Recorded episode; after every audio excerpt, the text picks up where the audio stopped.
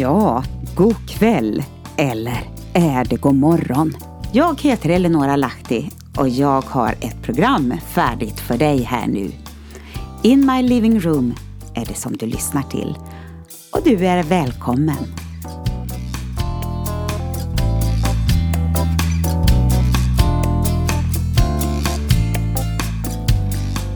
Så börjar sommaren att gå mot sitt slut och rutiner och ordningar ska börja infinna sig.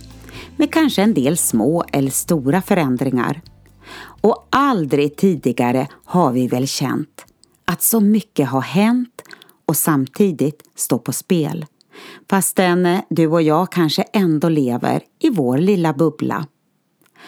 Torkan, bränderna med alla dess följder och nu det stundande valet. Och året är 2018. Det diskuteras integration, friskolor, polis, välfärd och skatter. Och de olika partierna kommer med det ena vallöftet efter det andra. Men nu i dagarna är frågan också om slaget mellan politiker och massmedia. Gränsdragningar, uttalanden och ställningstaganden från höger och vänster, högt och lågt och även bland pastorer och så kallade professionella tyckare inom kyrkans värld. Jag drar mig till minnes en sommar i början av 70-talet. Det var valår och jag själv var bara i yngre tonåren. Den sommaren jobbade jag, trots mina unga år, i vårt familjeföretag med att tillverka lovikkavantar. Tusentals vantar skulle produceras och skickas iväg till grossister inför den stundande vintern. Och varje förmiddag så stod jag vid en maskin som ruggade vantarna och samtidigt så lyssnade jag på ett radioprogram som varje dag presenterade ett nytt politiskt parti. Och varje dag var jag lika övertygad om att det var dagens parti som skulle få min röst. Ja, om jag var röstberättigad, vill säga. Åren har gått och vandringen har fortsatt, även om vägen blivit eh, smalare och smalare med åren. Men jag har förstått mer och mer vad ideologier är och står för. Och mitt i allt som sker uppmanar Guds ord oss att be för överheten så att vi kan föra ett lugnt och stilla liv. Och det här, det blev skrivet i en tid av romersk ockupation utav det judiska landet. Medans vi tumlar runt i frågor om sjukvården och flera pedagoger i förskolan så finns det större och mer övergripande krafter som vill styra, ja faktiskt manipulera, för att få igenom sin agenda för en ny världsordning. Det handlar om att förstå tiden vi lever i som kristna. Vi är mer än någonsin i kritiska vägskäl av eh, moraliskt, andligt och politiskt. Och då vill jag redan nu, innan jag fortsätter min utläggning, understryka vikten av att ha en personlig relation med Jesus. Att förstå tiden måste göras genom andliga glasögon och tyvärr låter många sig ledas av röster i en politisk och religiös tidsanda utan att själva lyssna in var man bör stå.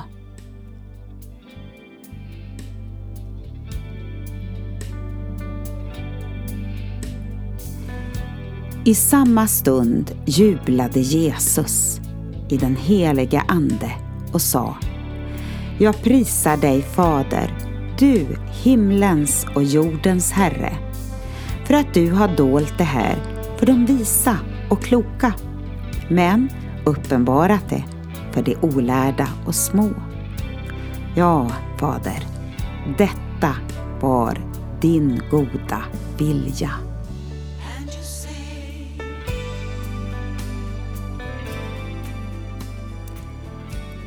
Visst kan vi komma fram till olika slutsatser och ställningstaganden inför stundande val och mycket av mänsklig dynamik i relationer handlar ju faktiskt om olika tankar och idéer. Att ha respekt och lyssna på varandra det är något helt grundläggande inskrivet i skolans värld där jag jobbar. Och jag hoppas att det också kunde få genomsyra det offentliga rummet ännu mera. Hur ska vi få våra barn och ungdomar att visa respekt för andra när vuxenmobbing förekommer på höga poster i samhället? Ja, jag bara undrar.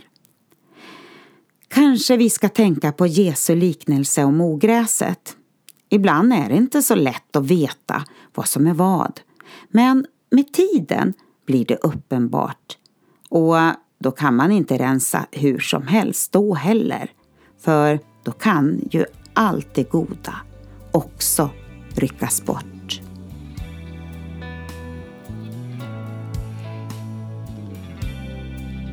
Om ni rensar bort ogräset kan ni på samma gång rycka upp vetet. Låt båda växa tillsammans fram till skörden. Men tillbaka till de övergripande krafterna som ser ut att ha sin egen agenda. När man går från politiska förslag kommer man till olika politiska partier för att sedan hamna i en ideologisk kontext. Då är frågan, vad är det som ligger bakom olika ideologier? Och nu hamnar vi så småningom mellan nästa gränsdragning. Det som kallas nationalism och globalism.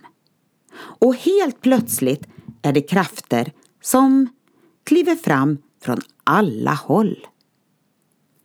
Ja, det är knappt man vågar skriva något mer för att inte bli anklagad för det ena eller det andra.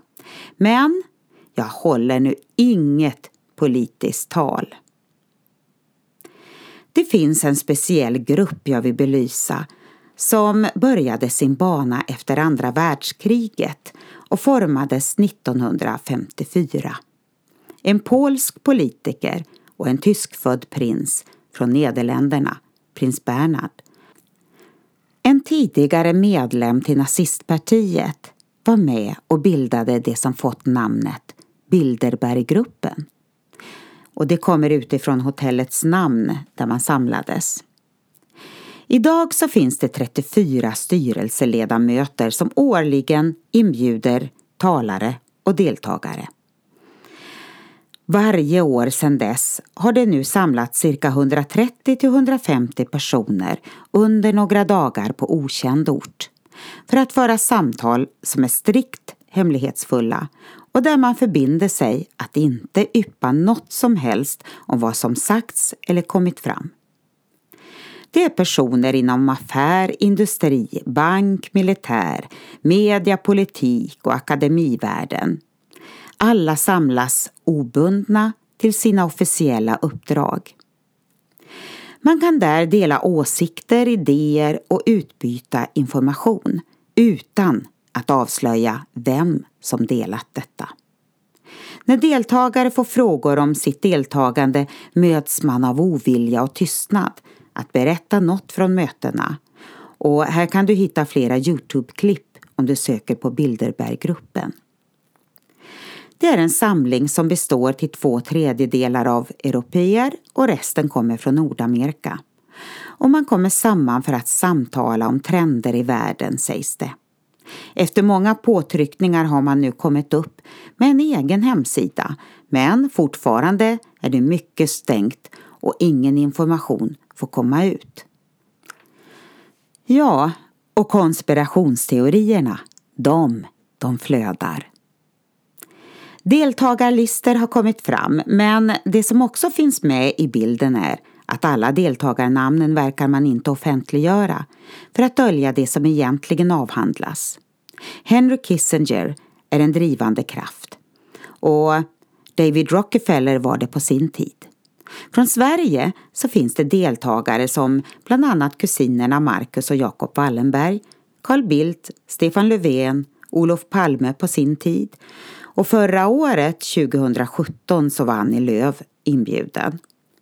En orsak till att hon var med kan vara att man vill veta var hon står i vissa frågor. Vid flera tillfällen har politiker blivit inbjudna som något år senare stått som ledande statsmän och statskvinnor.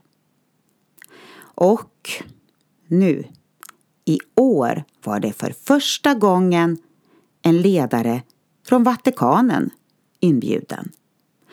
Vatikanens kardinal och statssekreterare.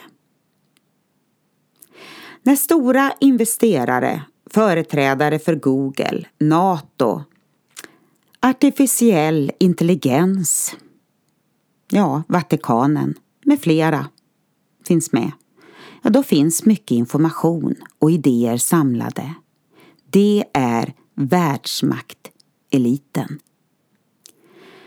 Här finns nu en liten grupp, 34 ledamöter samt dess talare och deltagare, som vill fånga influenser, styra tankar för att eh, osynligt regera i bakgrunden, påverka i olika frågor som kommer att drivas i olika länder och påskynda europeiskt samarbete och integration.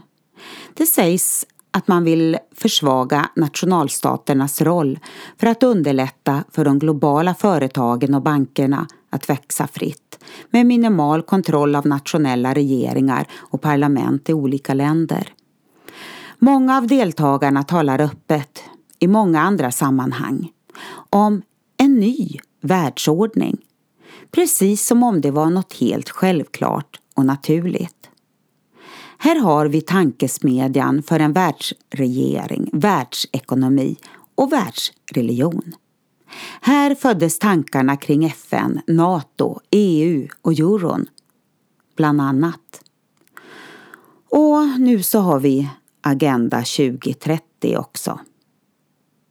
Det är sött och salt som blandas där välgörenhet och villfarelse vandrar hand i hand ur bibliskt perspektiv.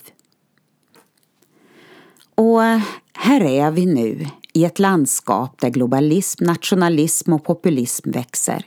Ett och annat exponeras samtidigt som förakt och hat får grogrund. Och en tysthetskultur frodas. För vem var det som egentligen röstade på Trump i USA?